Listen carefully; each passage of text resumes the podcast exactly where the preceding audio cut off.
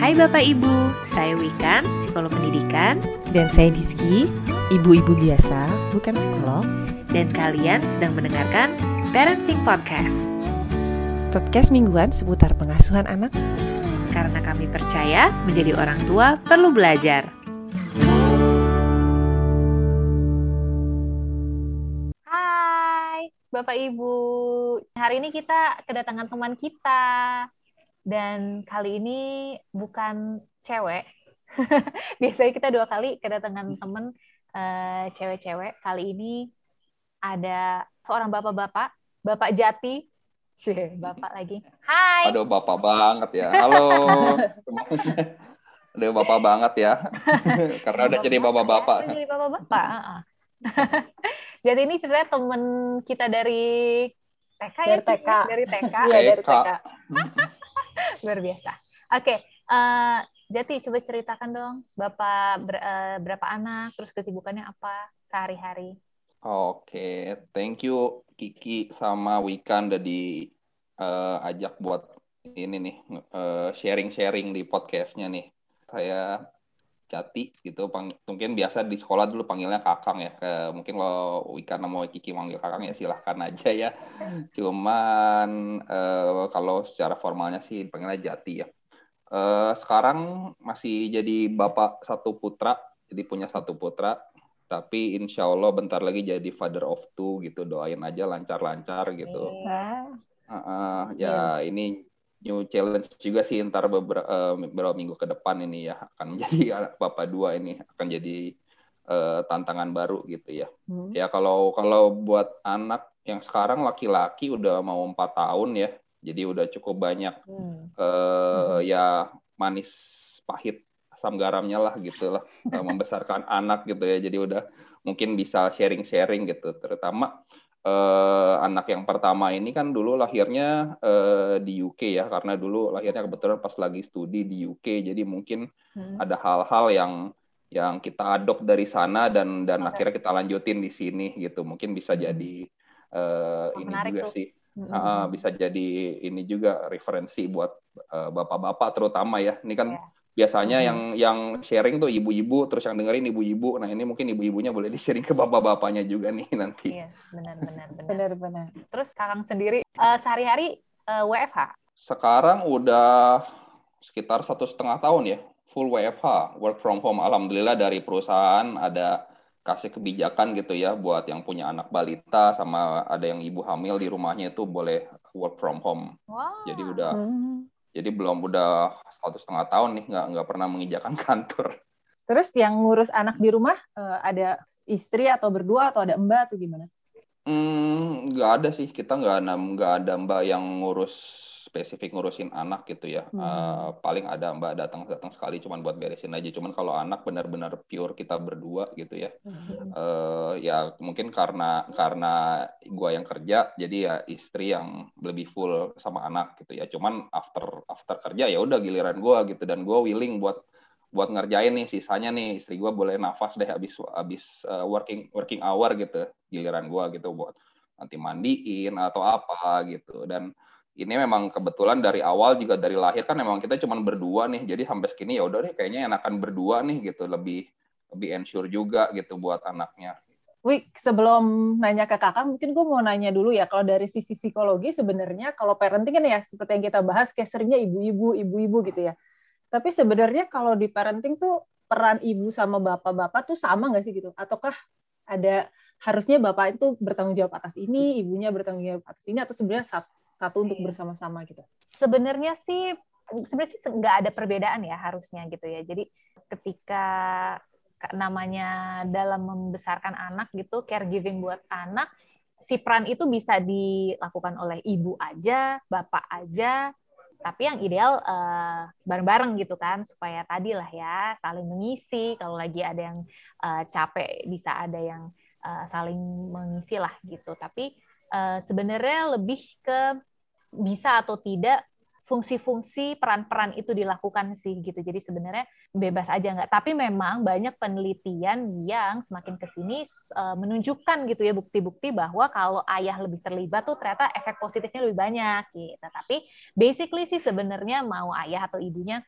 hmm, sama aja kok gitu maksudnya uh, takutnya kan misalnya ada orang yang misalnya single parent gitu ya terus jadi sedih karena ah ini kan jadi uh, cuma salah satu nggak masalah selama bisa mencukupi tadi ya memenuhi apa mengambil peran uh, parentingnya gitu ya itu sebenarnya nggak masalah sih gitu. Tapi makanya keren banget sih kalau bisa dua-duanya tuh membantu. Ya nggak sih kita sebagai uh, ibu-ibu gimana ki? Merasa terbantu nggak ya? Kayak gue sih ngebayangin kalau suami lebih involved sih emang alhamdulillah sih ya gue ngeliat makin ke sini memang memang ya by ini ya by studi gitu dan makin ke sini tren ayah tuh memang makin terlibat sih jadi memang makin gak ada boundaries yeah. akan mana yang kewajibannya istri mana yeah. kewajibannya anak gue ngeliat kayak generasi angkatan-angkatan di atas kita tuh masih sih kelihatan oh ini urusannya istri oh ini urusannya bapak gitu mm. cuman makin ke sini uh, kayak gue ngeliat teman-teman gue sendiri juga kayaknya banyak yang udah mulai involve yang hal lain-lain gitu nggak ada kayak oh ini kerjaan cowok ini kerjaan cewek gitu bahkan kalau gue boleh cerita gitu hal-hal uh, yang istri gue lakukan sama anak gue gitu, mm -hmm. itu semuanya uh, I can do all of it gitu. Kecuali ngandung, kecuali ngelahirin, kecuali nyusuin, gue nggak bisa. Misalnya gue nggak, gue bisa cover semua. Dan makanya gue nggak nggak takut sih kalau misalnya gue harus pergi berdua sama anak gitu atau apa karena karena ya ya gue bisa cover gitu jadi sejak sejak anak gue udah udah mulai lepas asi ya ya udah ya silahkan gitu kalau dulu kan masih butuh asi ya sampai dua tahun gitu tapi setelah setelah itu ya misalnya istri gue mau meet time ya silakan ini uh, eh, gue sama Saga kita jalan berdua deh gitu. Ya ya memang karena gue udah bisa cover yang lain-lainnya gitu. yes yes. Yes gue penasaran sih itu yang melatar belakangi lo punya pikiran kayak gitu apa sih? Apakah uh, kalau terus jadi kepo gitu apakah dulu misalnya uh, orang tua lo maksud uh, ayah kayak gitu juga atau apa? Uh, kebetulan malah malah gue ngerasa sama sama orang tua gue gitu kayak beda banget ya orang tua gue dulu pilot gitu ya lama di luar apa uh, lama terbang keluar jarang di rumah gitu malah jadi lebih banyak involvement ke ibu dari sehari harinya hmm. gitu hmm. malah ke sini itu karena dulu kebetulan ya banyak referensi makin ke sini kan ya kita bisa lihat YouTube bisa lihat apa gitu lihat video-video anak dan nama bapak gitu dan kebetulan waktu dulu lahirnya juga karena di pas di luar negeri gitu kita ngeliat oh bapak involvementnya gini loh kayak sekolah aja tuh bapak yang nganterin gitu jalan kaki naik bus gitu. Terus kayak itu hal-hal yang kayak biasa gitu bapak-bapak gantiin pampers anaknya tuh udah biasa. Jadi gue uh, gue pas pas pulang ke Indonesia rada sedih sih karena mm. kayak gue biasa gantiin pampers anak kalau kita jalan-jalan gitu gue biasa gantiin pampers anak. Cuman di sini kayak masih ada uh, sentimen yaitu kerjaan cewek gitu. Terutama kalau misalnya lagi di mall gitu ya sering kali ganti popoknya itu kan di kamar mandinya perempuan gitu ya. Makanya gue gue happy buat beberapa mall terutama salah satu mall yang paling populer di Jakarta Selatan ya. Gue suka banget karena dia uh, dia bukan nursery room namanya namanya family room. Jadi alias bapak pun bisa masuk ke situ. Dan itu nggak cuma di satu tempat di beberapa titik gitu. Gue suka banget. Jadi uh, itu di sisi lain menunjukkan bahwa ini kerjaan ya kayak ganti popok atau nyusuin itu nggak pure tugasnya wanita doang. Iya. Nah, cuman kadang-kadang gue masih banyak uh, sedih, masih banyak mall yang main kayak gitu sih yang kayak oh uh, ini di tempat wanita. Kadang kalau kayak gitu ya gue nggak bisa atau kadang ya udah gue gantinya ya misalnya di musola atau atau uh, di jadinya di WC gitu kadang-kadang gitu. Uh, jadi ya mungkin on the other hand itu karena kan bisnis ngikutin market ya. Mungkin secara marketnya juga ya itu emang lebih banyak wanita yang ngerjain gitu gitu. Di Indonesia belum populer bahwa eh, bapak-bapak ganti popok anak tuh mungkin nggak populer gitu. Cuman kalau gue sih ya pertama gue emang seneng ya ya gantiin popok anak dan yang ya itu gue nggak ngerasa ya udah itu kewajiban gue aja gitu. Istri gue kan udah cukup capek ngerjain yang lain-lain gitu. Tapi bener sih ya maksudnya pas kakak cerita ini gue baru sadar kayak oh iya juga ya. Karena kan kayak kalau dulu di tempat kerja gue yang dulu itu kan emang dari Swedia ya. Jadi emang waktu itu gue juga in charge-nya bagian itu tuh bagian family room gitu-gitu. Nah mereka emang ya nggak bareng nursing room. Nursing room di nursing room ada baby change apa buat ganti popok. Tapi di toilet yang family pun juga ada gitu. Jadi gue baru menyadari, oh iya ya, ternyata kalau di tempat lain nggak gitu ya. Dan itu jadi concern juga buat gue. Itu buat suami gue pun, dia kayak, ini gimana sih kalau aku yang mau gantiin gimana? Dan kita kayak, iya ya, oh, kok agak-agak masih... Tapi itu kayaknya lebih karena ini sih, pemilik mallnya sih kayaknya. Maksudnya kadang-kadang uh, mungkin di sini banyak juga yang kebutuhannya gitu, tapi kan itu ruangan yang tidak memberikan dampak ekonomi ya. Jadi kalau menurut gue sih ya yang bapak-bapak yang punya mallnya mungkin nggak sadar kalau itu tuh sebenarnya sekarang udah diperlukan atau arsiteknya juga nggak bilang pak yakin nggak mau bikin gitu iya benar-benar makanya gue agak takjub sih ketika di bandara Bandung gitu ya ketika setelah selesai direnovasi terus gue masuk ke toiletnya terus ada tempat ganti popok di wow, toilet cowoknya kayak keren. wow di bandara gitu keren. bukan di mana berarti hebat juga arsiteknya bisa kepikiran ya, ya. gitu buat mungkin mereka benchmarknya ke airport yang di Swedia. ya tapi emang emang benar sih di di bule tuh kayak benar-benar nggak ada gak ya ada gantiin popok ya. tugas. iya nggak tugas suami atau istri gitu. Bahkan di toilet umum ada tempat ganti popok nggak khusus yes, kayak yes, di toilet yes. cewek terlepas doang. Dari bener, si si ibunya ini kerja atau enggak gitu ya ya nggak sih? Karena memang kalau ya gitu sih bener sih. Kadang sedih ya kayak dianggapnya ya udah kalau misalnya istri uh, tuh ibu rumah tangga dianggap ya udah itu kan emang tugas lo gitu ya sebagai ah, iya, bener. padahal ya namanya anak kan ya sama-sama ya gitu membesarkannya gitu. Jadi yang lo lakuin apa aja tuh kang? Jadi benar-benar semuanya nyebokin nyuapin gitu? Hmm, bahkan bahkan gue gua ini sih apa menginspire bapak-bapak kalau misalnya ada kesempatan kayak gitu-gitu tuh ganti popok mandiin cebok itu take take itu deh take di opportunity gitu. Karena itu kesempatan menurut gue itu kesempatan buat buat bonding sama anak lo justru bawa di mau event-event kayak gitu gitu gue ngerasa karena apa? Bapak-bapak tuh punya tugas berat. Ibu itu ibu tuh sebagai wanita tuh udah dapat fur duluan nih buat bonding sama anak. Dari sejak sejak 9 bulan mengandung lalu ngelahiri nyusuin ibu tuh udah jauh ke depan buat bonding sama anak. Jadi bapak-bapak ini ya lo harus cari cara spend time gimana biar lo bisa setidaknya menyamai lah gitu bonding sama anaknya gitu. Dan kesempatan-kesempatan itu ya menurut gue ketika ketika itu ketika kita gue ganti pampers gitu awal-awal ya ya gue masih nggak ngelihatnya pekerjaan sangat stres ya. Kadang kayak kadang ada aja lagi ganti pampers terus ada yang ngucur atau ada yang keluar gitu. Apalagi kan itu di atas kasur yang bagian tempat tidur gue iya. tuh ya udah udah udah segala macam lah itu. Tapi ya gue juga ketawa-tawa aja gitu. Cuman kan ya beberapa kali juga udah ahli lah gitu ganti pampers intinya kan kita latihan aja gitu. Dan dan di situ ketika pampers kan kita ketawa-tawa ngobrol sama anak gitu. Dan gue ngerasa itu salah satu yang bikin gue bisa bonding sama anak terutama anak gue kan cowok kan ya itu di momen kayak gitu Terma nah, nanti ke depannya ketika dia makin besar momen dia lagi pipis lagi buang air besar itu juga waktu-waktu buat bonding sih jadi ketika kalau gue boleh cerita lagi ketika anak gue belajar ngeden gitu ya, belajar duduk di toilet. -huh. itu ya kan biasa lah ya, ada ragu-ragu. Yeah. Ini pertama kali dia duduk di toilet. Ya gue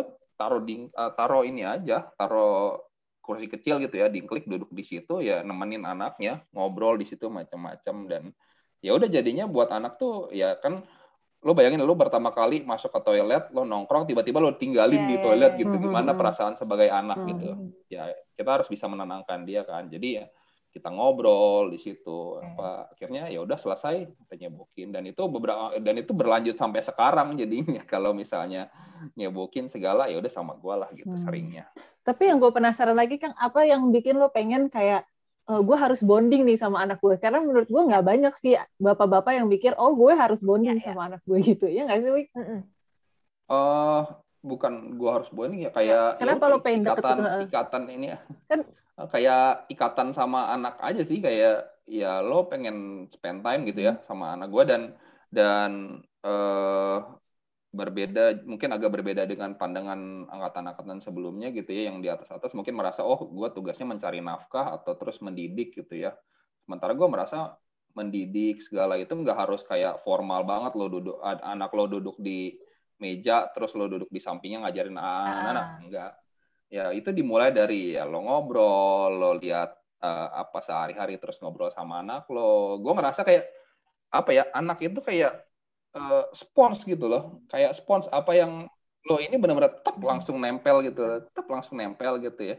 Kayak hmm, ya itu terutama sekarang WFA ini kan jadi banyak kesempatan nih uh, buat gue lebih banyak interaksi sama anak gitu ya. Kalau kerja kan mungkin baru bisa malam segala ya itu kalau kalau misalnya malam-malam gitu ya, uh, gue pulang kerja gitu zaman dulu gitu ya waktu masih kreator, uh, ya udah itu benar-benar anak tuh ke gue aja gitu ya. Kita main kita apa terus dan dan gue gua bisa dibilang uh, ininya ngurusnya secara tradisional sih aliasnya aliasnya uh, kayak kita zaman kecil dulu lah nggak pakai HP nggak pakai apa. Gue kayak kita baca buku yuk gitu sebelum tidur kita apa gitu. Atau ya kayak gue jarang banget pakai gadget gitu ya buat interaksi sama anak gitu ya. Ya baca buku atau apa atau bahas gambar gitu gitu sih wah keren keren seberapa banyak lo ngerasa kan tadi lo sempat bilang uh, ngelihat juga gitu ya, ketika anak lahirnya di UK terus lo ngelihat di situ tuh oh ternyata tuh peran bapak-bapak tuh lebih uh, tidak terbatas gitu ya kalau di sana gitu seberapa banyak sih itu mempengaruhi lo menurut lo? Cukup banyak sih. Ya, ya sebenarnya nggak nggak perlu ngalamin ngelahirin di UK sih ya. Kan kita mungkin kalian berdua juga sering lihat video-video bapak sama anak gitu ya. Dan kebanyakan video-video bule yang misalnya bapaknya ngajak kantor ke anak, eh, bapaknya ngajak ke sekolah anaknya, bapaknya pakai kostum aneh-aneh gitu kan. Ya itu kan banyaknya referensi dari bule ya. Dan it, it happens gitu ya ketika lo di ketika di sana gue lihat ya udah ketika pergi sekolah itu ya banyak kan yang nganterin pagi-pagi tuh kita kalau dari flat ngeliat ke bawah gitu bapak-bapak lagi ngajak uh, lagi jalan kaki ke sekolah sama anaknya gitu dan ketika lahir di awal-awal itu justru bukan bapak-bapak yang bule yang akhirnya memotivate kita gitu justru teman-teman kita yang Indonesia yang kebetulan anaknya lahir di sana atau misalnya anaknya masih kecil gitu ya itu benar-benar ya biasa aja bapaknya ganti popok atau bapaknya bawa ke WC atau bapaknya nyuapin hmm. itu biasa aja jadi uh, buat gue sih nggak aneh gitu. Tapi jadi. di sana udah mulai ada yang parent apa uh, father, uh, leave apa namanya cuti untuk bapak-bapak kalau istri melahirkan nggak kalau di UK? Oh waktu itu lo studi di ya soalnya ya bukan? Ah, gue nggak tahu nggak tahu juga sih kalau kan karena itu kebijakan kantor beda-beda ya. Hmm. Kayak di Indonesia juga pun kebijakan kantor beda-beda sih soal yes, father leave itu. Kalau gue mau nanya nih ya temen gue ada yang dia tuh kayak kesel gitu karena suaminya tuh kayak kurang bantuin dia gitu jadi dia hmm. tuh kayak aduh uh, gimana dong supaya suami gue bantuin gue? Nah kalau dari segi cowok nih kang dari bapak-bapak menurut lo ada nggak tips yang bisa dilakukan istri supaya suaminya agak mau tuh bantuin dia? Karena dia kayak suaminya tuh ya sibuk-sibuk sendiri aja dan merasa kayak ya udah itu tugas lo gitu. Gimana tuh? Nah sibuk. Sibuk-sibuk sendirinya nih apa? Sibuk-sibuk kayak benar -benar, misalnya sibuk ya dia sibuk kerja. dua-duanya jadi kayak gitu. kerja terus nanti kalau weekend kan capek habis kerja jadi ya harus hobi dong gitu maksudnya. Ah, ya, ya. banyak sih itu itu itu itu banyak banget sih maksudnya itu fenomena banyak, ya. banyak banget kan iya nah, jadi terus ya istrinya pun juga pengen lo lebih involved dong tapi ya kan nggak semudah itu ya maksudnya bilang gitu terus oke okay, hmm. gitu nah kalau dari bapak-bapak kira-kira ada nggak yang menurut lo bisa dilakukan istrinya Hmm, ya itu gue ngeliat banyak sih yang kayak gitu sih. Ya sebenarnya gue balik nanya juga sih. Jadi kalau misalnya bapaknya nggak info sama anaknya, jadi perannya tuh apa? Cuman bagian bikinnya doang? Bagaimana? Karena kan bikinnya bikinnya bareng-bareng ya. Terus udah bikin, udah keluar, terus nggak mau ngurusin. yeah, yeah. Terus uh, ngapain gitu? Mending ya, mending ya nggak usah gitu. Maksudnya bikin ya karena dari awal juga gue sama istri gue juga yang di di prinsip kita ya itu kita bikin barang-barang ya kita ngebesarin juga barang-barang gitu dan gue sendiri gue pengen pengen uh, selama anak gue masih kecil gitu ya gue pengen spend time sebanyak banyaknya gitu. Jangan sampai ketika anak kita udah mulai sibuk dengan uh-huh. teman-temannya mulai punya pergaulan sendiri lo baru kangen uh, pengen aduh if only gue dulu spend time lebih banyak sama anak gue gitu. Lo menyesal gitu. Itu sih gue nggak mau kayak gitu sih. At least uh, sampai ketika sampai anak gue mulai masuk sekolah deh gitu gue pengen dia kan masih orientasinya di rumah gitu ya. Tapi kalau udah sekolah mungkin dia udah punya teman-teman sendiri segala. Gue nggak pengen nanti gue menyesal sih gitu aja sih. Apalagi nanti lo baru kangen ketika oh anaknya udah SMA kok cepat banget anak gede ya gitu ya. Perasaan kemarin baru lahir gitu. Seandainya gue dulu nggak sibuk-sibuk banget ngerjain hal-hal yang lain gitu. menyesal gitu. di kemudian ya, hari pikirin gitu. aja sih iya menyesal di kemudian hari. Dan itu nggak bisa diputar balik lagi kan. Iya benar benar benar. tapi pernah nggak sih Kang ada momen di mana lo ngerasa misalnya uh, pulang kerja terus capek, terus uh, lo yang butuh me time gitu instead of istri lo? Hmm, nggak tahu ya. Makanya lo punya anak itu lo es bapak gitu ya lo nganggapnya apa? Kalau gue ketika gue pulang ketemu anak gue, anak gue tuh remedi okay. gitu. Gue gue capek dari kantor kerja dari kantor sampai rumah eh capek di kantor capek di jalan ketika sampai rumah ketemu anak tuh hilang hmm. capeknya gitu gue masih bisa main loncat-loncatan apa gulat sama anak gue di kasur gitu itu yang lelah fisik tuh hilang gitu ketika begitu anak anak gua gitu. Apalagi anak gua tuh kalau dulu masih kan kita dulu di apartemen ya waktu uh, gua masih ngantor itu uh, maunya tuh ketika gua sampai rumah tuh gua nggak boleh buka pintu. Gua cuman boleh ngetok yang buka harus anak gua kalau gua kalau gua ngetok kalau gua kan sebenarnya gua bawa kunci kan. Kalau gua buka tuh oh anak gua marah. Gua suruh ditutup tutup lagi pintunya uh, suruh ngetok lagi. Dia maunya dia yang bukain gitu. Nah kayak gitu bener-bener cus hilang gitu semua capek gitu. Jadi jadi ya kayak kalau misal lo nganggap lo sampai rumah terus uh, anak lo gitu jadi anggapnya lo nggak another kewajiban another beban gitu ya why why do you have a kid okay, why okay, do you have okay. kids gitu ya. Uh, jadinya kalau jadi beban ya ya mending beban hidup udah cukup berat gitu ya. Kalau emang belum siap ya mending dipikir-pikir yeah, dulu yeah. gitu sih menurut gue tapi sejak dulu lo emang suka anak kecil atau enggak? Enggak. Oh enggak? Nah ini gua gua gamblang sih. Gua gua juga anehnya di situ. Gua bukan kan ada kan anak yang oh ramah banget sama anak kecil. Gue enggak. Gue enggak. Malah malah adik gue lebih ini sih lebih dekat sama anak kecil. But when it comes to my son gue juga amazed juga. Kok gue bisa bonding segitunya sama anak kecil ya gitu gue nggak pernah nggak pernah nyangka bakal bisa sebonding segitu gitu sama anak kecilnya bahkan sampai benar-benar care gitu loh. Hmm. Oke. Okay. Jadi tapi lo memang mengakui lo cari referensi ya, Kang. Misal lo baca-baca, lo lihat video gitu. Nah, uh, on the other hand, gue bukan anak yang bukan orang yang rajin banget. Oh, pas mau lahiran gitu ya baca banyak buku, baca banyak video, bahkan bisa dibilang waktu mau lahiran tuh gue cuma baca satu buku satu atau dua buku gitu ya. Itu juga di referensi itu dari teman gue sih. kayaknya nggak sama itu udah bener bener bener nggak sih? Kayaknya baru baru bener oke terus suami gue kayaknya nggak baca kayak, nggak nggak apa kalau gue ngeliat istri gue sekarang gitu ya mau lahiran anak kedua gitu, wow banyak banget nonton YouTube segala hmm. gitu ya. Dulu waktu lahiran anak pertama benar-benar no clue at all gitu, apalagi di UK kan terbatas ya, kita juga internet terbatas, terus buku juga kita dapat eh, istilahnya longsuran lah bukunya kita baca-baca hmm. gitu dan dan itu mungkin cuma 30% gitu dari buku sisanya benar-benar improvement gitu ya dan yang bikin akhirnya kayak gue mau sharing kayak gini-gini tuh karena gue seneng ngamatin ngamatin anak uh, perkembangan anak gitu ya. Hmm. Gue seneng ngamatin dan gue terus terang banyak eksperimen juga sama anak karena belum tentu apa yang nanti gue gua jalanin sama anak gue mungkin uh, itu uh, works juga buat anak-anak yang lain. Hmm. ya itu butuh banyak improvement dan kreativitas dari orang tua sih sebetulnya. Apa tuh yang lo udah jalanin misalnya? Apa ya? Ya ya banyak sih. Maksudnya uh, kayak tadi ya uh, kalau misalnya ganti popok gitu ya atau misalnya gini deh case uh, sering kan case anak gak mau makan, anak gak mau mandi, itu case kan dan gue sering kali yang yang berkeluh kesah tuh ibunya hmm. gitu. Jadi which means ya bisa jadi yang ngurusin ibunya gitu. Nah kalau bapak-bapak disuruh mandiin anak gimana sih? Ya gue juga clueless juga ketika misalnya anak gak mau mandi segala. Akhirnya gue menemukan gue harus ngobrol. Ya istilahnya ya kita ngalihin perhatiannya ketika misalnya dia nggak mau mandi gitu ya. Uh, ya ngobrol apa kayak ngobrol soal film atau apa tapi sambil diguyur gitu atasnya showernya. Diguyur ngobrol film atau Saga tadi main apa? Main apa sama teman-temannya? gitu. Oh dia excited banget cerita soal itu gitu cerita soal atau Saga tadi nonton film apa? Ultraman Ultramannya gimana? gitu. Dan dan tanpa sadar kita selesai mandinya udah selesai udah disabun okay. udah dibilas gitu.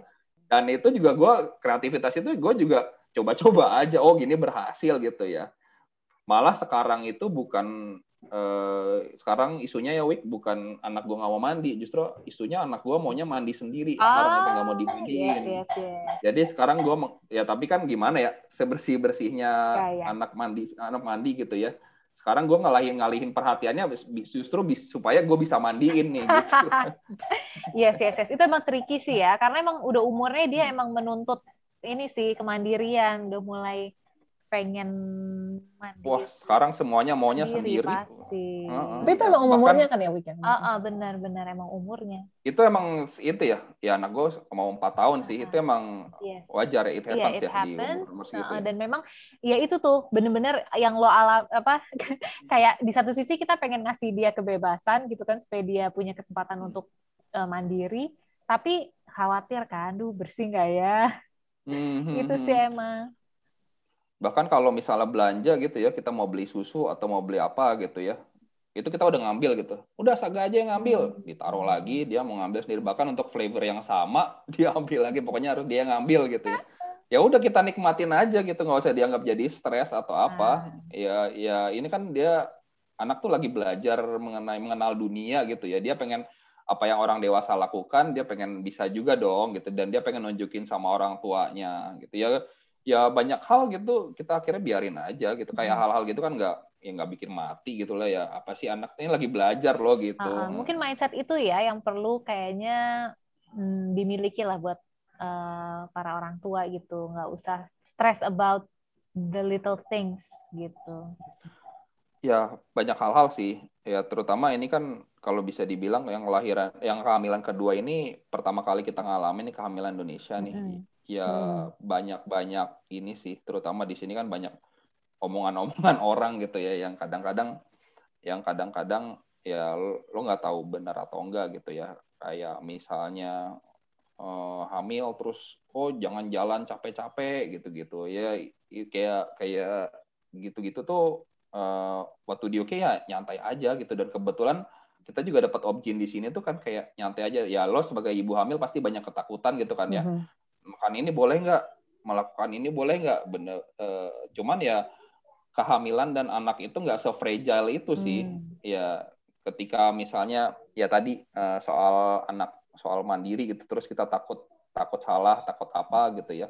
Itu benar-benar ya udah lo mungkin ada salah tapi lo punya kesempatan buat fix it gitu ya at the, at the at time itu. Jadi kadang anak jatuh sedikit aduh bapak bapak atau ibunya panik banget gitu anak tuh nggak sefragile itu loh gitu dia eh, kadang kita takut banget gitu anak salah atau apa Ya, dan ya. kalau misalnya kita, kita takut kita salah ajaran kita masih punya punya waktu buat twisting the cara kita mendidik anak kita gitu sih kalau gue sih ngelihatnya Yap, yap.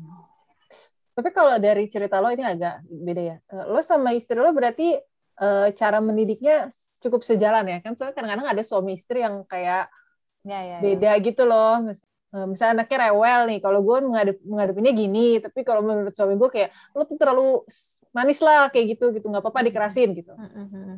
Iya suka gitu kan ya weekend Iya, sering banget. sering banget kayak nggak nggak Hmm. nggak se, se iya sekata gitu gimana Iya. sih? Pokoknya biasanya ibu-ibu yang datang ke kelas parenting kan juga gitu. Gimana ya caranya saya ngasih tahu suami saya? Nah, itu tuh Nah pertanyaan yang tuh. Kalau lo kan. nggak nggak pernah mengalami kok kayak pa- parenting style kita beda gitu nggak? Iya. Kayak rewel kayak gitu sih justru bukan apa ya bukan berlawanan justru kayak tektokan gitu ya. Hmm. kalau it doesn't work with my my wife gitu ya eh, istri gue nggak bisa ngomongin anak gue gue yang turun tangan gitu. Dan anak gue udah tahu kalau gue udah turun tangan tuh udah mulai dia udah mulai takut gitu atau jadi gue udah next levelnya lah gitu. Atau di other hand eh, anak punya masalah sama gue gitu ya. Eh, dia takut sama gue dia akan lari ke ibunya gitu. Dan dan memang di situ butuh kekompakan sih. Kalau misalnya memang memang anak itu perlu dikasih tahu ya udah kasih tahu. Cuman mungkin ayahnya yang bagian lebih keras ibunya yang bagian lebih soft Hmm. gitu atau di other hand ibunya yang lebih keras ya bapaknya bagian teman tujuannya sama-sama buat ngasih tahu anak itu gitu. Gue ada sih beberapa hal yang mungkin berlawanan sama istri gue gitu ya. Eh, kayak misalnya kayak gini lah eh, anak kan punya target jalan eh, umur segini jalan umur segini udah bisa baca gitu. Dan ibu-ibu ini kan kalau udah ngumpul sama ibu-ibu kan kompetitif banget nih. Kalau misalnya oh kok anaknya dia seumuran sama si Saga udah bisa baca kok anaknya udah bisa lari gitu ya. Udah udah galau tuh ibu-ibu tuh biasanya tuh. Terus ya udahlah kadang jadi ke dokternya dok minta vitamin ini vitamin itu gitu. Kayak kayak ya, ya nganggapnya kayak anak kita terbelakang apa mungkin ada ada yang perlu di develop lagi Uh-uh. gitu. Gue sih lebih nenangin kayak ada waktunya. Ya lama-lama istri gue ngerti juga sih bahwa ya walaupun anak lain jalannya lebih cepat ada ada yang saga lebih cepat daripada si anak itu Oke. gitu. Ada mungkin ngomongnya lebih cepet atau uh-uh, dan dan at the time dia juga akan tetap jalan gitu. Mungkin dia agak, agak sedikit lambat gitu. Jadi menurut gua nggak usah terlalu reaktif lah kayak gitu-gitu ngelihat anak anak orang lain udah bisa baca udah kita kita jadi panik ibu-ibunya. Ya nanti ada waktunya gitu nggak usah jangan sampai anaknya terlalu diforsir terus sampai jadi malah stres gitu. Umur segini udah dipaksa baca gitu. Ya which is sebenarnya bukan bukan kewajiban kan kalau menurut gua. Justru menurut gua lebih kayak ya udahlah anak itu lebih natural aja lah ada waktunya ada waktunya dia buat ya mencapai hal-hal itu gitu ya. Nanti mungkin ketika memang udah lewat kelewat menurut kita udah lewat toleransi ya mungkin kita perlu konsultasi sama orang. Cuman menurut gua ya saat itu tuh hmm, ya masih masih wajar lah gitu ya. Mungkin dia bulan depan atau bulan berikutnya gitu ya. Dan dan sekarang udah mulai ngerti sih istri gue soal itu. Jadi nggak nggak terlalu panik gimana gitu ya kalau misalnya Saga yang belum bisa melakukan sesuatu gitu. Hmm. Kalau di bapak-bapak di sekitar lo gitu Kang, menurut lo lebih banyak yang info, maksudnya menurut lo lihat-lihat atau lebih lebih banyak yang kayak lo atau lebih menurut lo masih banyak yang kayak ya itu mah tugas istri gue gitu.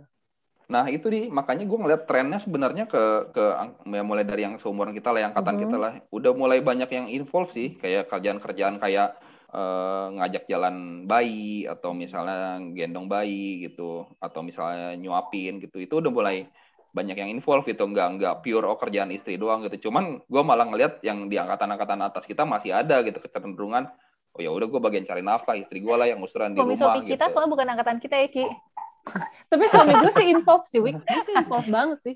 Ya bagus, kalau udah mulai ini sih. Karena uh, ya, dia, itu dia emang suka banget anak kecil sih, jadi dia ah.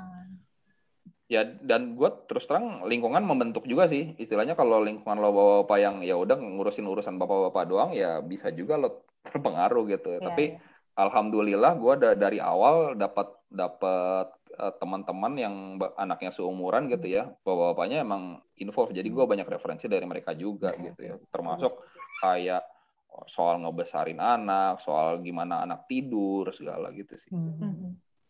Mungkin ya kalau bapak-bapak dulu kan karena ada sejarahnya panjang ya maksudnya Indonesia kan hmm. patriarki gitu kan. Uh, eh, gue boleh cerita dikit ya jadi gua kan ya gue biasa lah ya ganti popok anak gitu kalau lagi di mall ganti popok anak gitu ya. Terus gue waktu itu lagi sama saudara ipar gue gitu ya yang yang cewek saudara ipar yang cewek gitu ya. Cuman gue sama anak gue sama saudara ipar gue yang cewek gitu ya istri gue sama yang yang saudara-saudara yang lagi main gitu ya terus itu si si Saga tuh buang air besar gitu ya di pampersnya bau gitu ya. Waduh ini nih uh, ada ini ada udah penuh pampersnya gitu ya. Terus ya gue otomatis ini kan ya mau pergi lah. Terus si saudara gue yang istri itu bilang kayak sini mau mau tak gantiin gitu. Gue bilang enggak nggak apa-apa aku aja. Loh emang bisa? Loh emang bisa? Wah, bisa mbak. oh iya terus terus kata saudara gue yang uh, saudara ipar gue itu kayak si Mas itu anaknya lima cowok nggak pernah lo ganti gantiin pampers hmm. anak gitu ya hmm. terus gue juga oh ya udah gue senyum aja gitu ya ya jadi emang ya itu yang mungkin sesuatu yang baru kali ya mungkin di di angkatan kita itu kalau misalnya kayak ganti hal-hal kayak gitu mungkin saat itu ya buat angkatan-angkatan atas itu belum belum terlalu iya, betul, familiar betul, betul. gitu. Uh, mungkin kalau suami gue di peralihan ya dia melakukan itu tapi masih melihat itu sebagai bonus kayak I should be thankful bahwa dia sudah melakukan oh, hal, -hal tersebut. Okay, okay, okay. Jadi gue kayak harus say thank you kayak gue harus acknowledge bahwa dia mau melakukan hal-hal itu gue ya ya udah ya daripada enggak gue oke okay, makasih. kalau gue sih ya terus terang guanya juga enjoy sih dan dan gue pengen gitu ya. Ya gue gue rada sedih juga. Pernah gue ke mall gitu ya gue ya istri gue di luar gue yang gantiin pampers. Terus di dalam tuh ada ada nenek-nenek ibu-ibu hmm. gitu ya. Terus pertanyaan pertama tuh ibunya ke mana? Ya ampun gitu. ya ya ya. Ibunya ada di luar kok gitu. Uh, emang kalau misalnya jalan-jalan saya yang gantiin pampersnya bu gitu. Terus, oh gitu ya. Terus gue nangkap pesan dari ibunya tuh kayak oh lo tuh disuruh-suruh sama istri lo ya gitu ya, ya, ya, ya, padahal ya, ya, enggak padahal ya gue emang ya, ya, ya. gue gue aja yes, yang yes. yang kerjaan gue gitu. ya benar benar benar. Iya kadang emang lingkungan sih kayak suami gue tuh ketika misalnya lagi megangin anak-anak tuh pasti sama misalnya lagi di acara keluarga pak ade gue tuh akan yang kayak ih gitu ngapain sih? Gitu kayak berusaha membuat gue seolah-olah ya bener gitu kayak gue nyuruh-nyuruh. Oh, tapi kalau suami gue sih karena mertua gue memang mau mendidik, mau mendidik anaknya supaya kalau dia punya anak dia ngurusin anaknya gitu. Jadi kayak mertua gue udah bilang kayak dia kan anaknya juga cowok dua, jadi hmm. dia mau si anak-anaknya tuh harus bantuin istrinya gitu. Yeah, jadi yeah, dari yeah. kecil dia ya mungkin makanya dia ngebantuin gue karena hmm. mertua gue lagi di rumah mertua terus jilat banget gue. ya tapi memang memang jadi kesannya seakan-akan kayak istri yang nyuruh-nyuruh ya kayak kesannya. yang nih pampersnya udah penuh gitu ya. Yang pampersnya udah penuh gitu ya. Oh ya gitu. Jadi seakan-akan istri gue nyuruh gue padahal emang ngasih tahu gitu. Ngasih tahu dan karena biasanya itu kerjaan gue ya udah gue ngerjain iya. gitu tapi kalau mungkin orang yang nggak kenal kayak oh kok disuruh-suruh gitu ya. Anak uh, suaminya bisa disuruh sama istrinya ganti pampers gitu ya. Jadi uh, kalau misalnya nah itu kan lo mau jadi father of two cie itu apa yang lo khawatirkan, Kang? Ada nggak? Oh, as a Ini gue siap banget buat gue siap banget buat pertanyaan ini. ya ini se- sebenarnya sebenarnya eh, ya mungkin ini pertama kali di podcast ini ya mungkin tapi mungkin ketika podcast ini naik eh, anak gue udah lahir ya. Jadi anak kedua gue tuh cewek Hmm. ya insya Oh, Allah gitu. cewek nanti ya. Ah.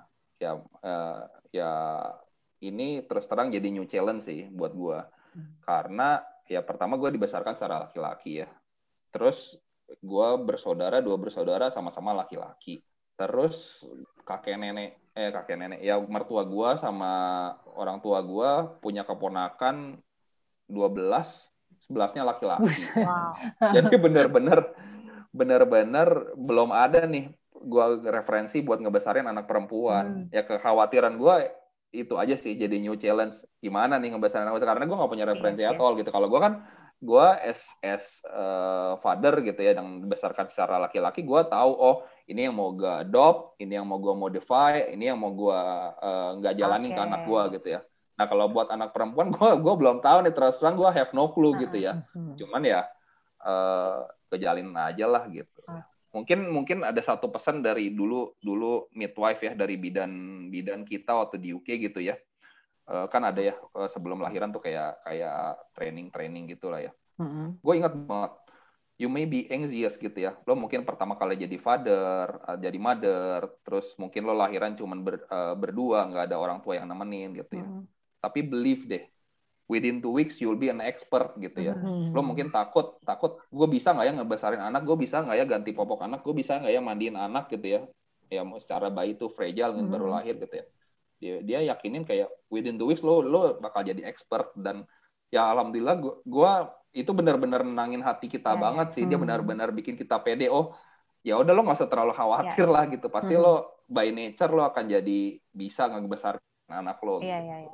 Tapi kalau gue malah menganggapnya sih ini ya, kalau anak perempuan kayaknya malah lebih eh, mudah daripada anak laki-laki atau menurut gue aja ya Wiki. Soalnya kan kayak kalau gue kan dulu perempuan semua, habis itu Nah, ponakan gue dulu gitu, perempuan Ki. semua.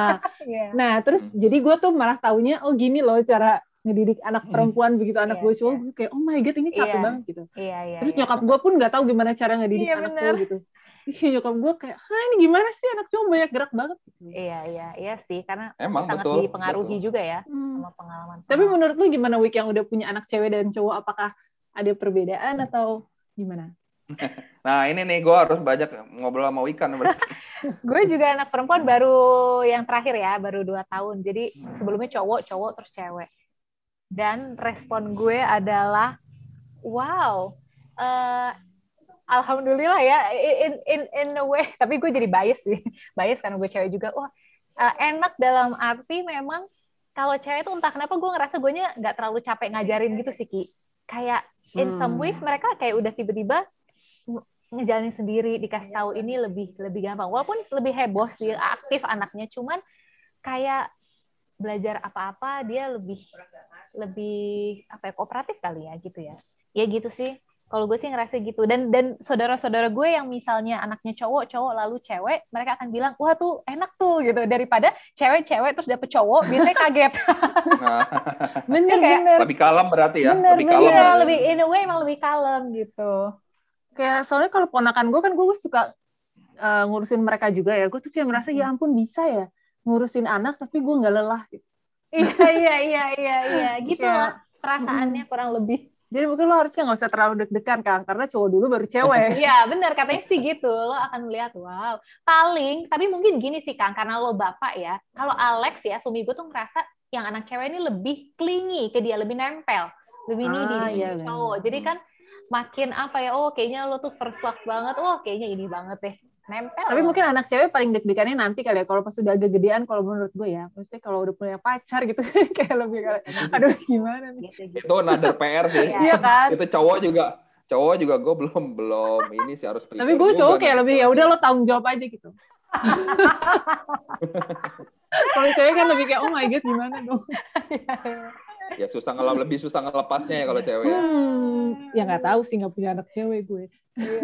Ya ya itu ketakutan istri gue sih Eh, maksudnya gue sama gue sama anak gue yang laki gitu ya ya katakanlah kalau gue pulang kantor gitu ya atau misalnya mau tidur gitu kita kan gulat gitu, pukul-pukulan bantal di di kasur gitu ya, mau tidur gitu ya. Hmm. Nah, gue tuh have no clue kalau gue sama anak cewek, ada anak ceweknya gimana mainnya gitu. Apakah apakah nanti jadi ikutan main gebuk-gebuk juga gitu ya? Istri gue takut banget nanti. Aduh nih gimana anak cewek jadi jadi ikut-ikutan kayak gini gitu. Terus kalau misalnya katakanlah lagi main jatuh gitu ya. Hmm. Kalau anak cowok kan ya udah gue liatin gitu ya. Ayo ayo bangun lagi segala. Nah kalau anak cewek tuh gimana gitu. Tapi kalau menurut gue harusnya sama aja sih kan kalau tentang jatuh. Karena kayak kenapa cowok harus lebih tangguh kan harusnya enggak nggak sih? Kalau menurut gue ya. Iya. kalau menurut gue. ya mungkin mungkin dalam hal itu akan sama ya cuman ya kekhawatiran itu kayak ya jadinya cowok banget nanti ceweknya eh, si anak ceweknya Iya, gitu iya, iya, iya. masih ada lah ya Karena- pemikiran kayak gitu. karena bapak dan kakaknya mainannya cowok Oh, banget tapi gitu tenang, loh, tenang. bener-bener. Ponakan gue yang dari suami gue kan cowok-cowok terus cewek kayak weekend gitu Ah, ah. kan. Nah, Nah, terus abis itu mereka juga khawatir kayak, wah kakaknya cowok-cowok gimana. Ah. Sekarang genit banget beneran. Sekarang bapaknya malah stres. Duh, gimana nih anak gue genit. bener anak gue juga jadi walaupun kakaknya cowok-cowok anak gue kalau disuruh main yang cewek nih ya main pedang-pedangan oke berantem berantem oke tapi centilnya juga sama centilnya gitu jadi kayak ya Allah emang nature ceweknya Ah, kayaknya nature-nya bakal ada ya. Maksudnya. iya Oh. gitu. ya ya mungkin ketika dia besar belajar ya gue tau lah kita yang sering lihat video yang bapaknya di make upin ya gue udah Udah siap ya? gitu. Oh, udah siap udah siap kalau misalnya ada kayak gitu-gitu ya terus kan kayak eh, father itu kan first love-nya Ah, daughter yes, gitu ya yes. ya Yes, itu juga gua gua ngerti lah Iya. gitu ya cuman kayak eh, gimana ya gua ngedidiknya Iya, iya, biar iya. gak nggak ala cowok Iya, gitu ya benar, ngedidiknya gitu Oh, tapi kalau gue dulu eh, waktu kecil sebenarnya lebih sering main sama bokap gue loh sebenarnya daripada sama nyokap. Hmm. Karena nyokap gue sibuk, bokap gue malah banget. Hmm. Terus jadi kayak kalau sama nyok- bokap ya mainnya justru ya nggak fisik tapi kayak misalnya bikin benteng-bentengan terus dia cerita Hmm. gitu. Jadi kayak lebih cerita sih gitu. Mhm. Kan lo juga suka cerita emang- tuh paling ya gitu sih kan ya nggak sih? Emang nature-nya bapak ya gitu ya biasanya nggak besarin ala, ala cowok gitu ya Eh, cuman ya ya mungkin banyak kan nanya sama ibunya nih ini gimana nih kalau anak cewek gitu Iya, ya ya. cuman dalam dalam beberapa hal yang mungkin general aja Mhm. gitu Yes, yes. Kalau lo lebih akrab sama nyokap lo dulu masih kecil. Siapa? Lo. Gue, iya, bokap gue masih yang jadul banget soalnya. Ya lumayan jadul lah in a way ya, karena kan eh, tentara pula gitu ya. Jadi masih kayak kalau kayak mandiin gitu kayaknya enggak. Tapi em, hangat sih, artinya eh, kayak eh, cium, peluk gitu sih iya. Cuman kalau untuk kayak main eh, jarang ya, sibuk juga sih. Nah itu sama bokap gua, sama bokap gua juga hmm, apa ya? Untuk hal-hal yang sifatnya laki gitu ya, gue banyak belajar dari bokap gua sih kayak ya hal-hal kayak ganti lampu, benerin mobil itu benar-benar dari bokap gua banget dan dan nggak tahu ya mungkin ketakutan bokap gua gitu ya jadi anak cowoknya jadi kecewe-cewean gitu ya ada kekhawatiran itu Hmm. jadi benar-benar benar-benar dari kecil gitu ya kayak eh, ya ini cerita dari bokap gua sih eh, nggak nggak mau tuh eh, misalnya anak dia gua minta gandeng gitu ya nggak pernah gandeng anak gitu waktu kita kecil gitu ya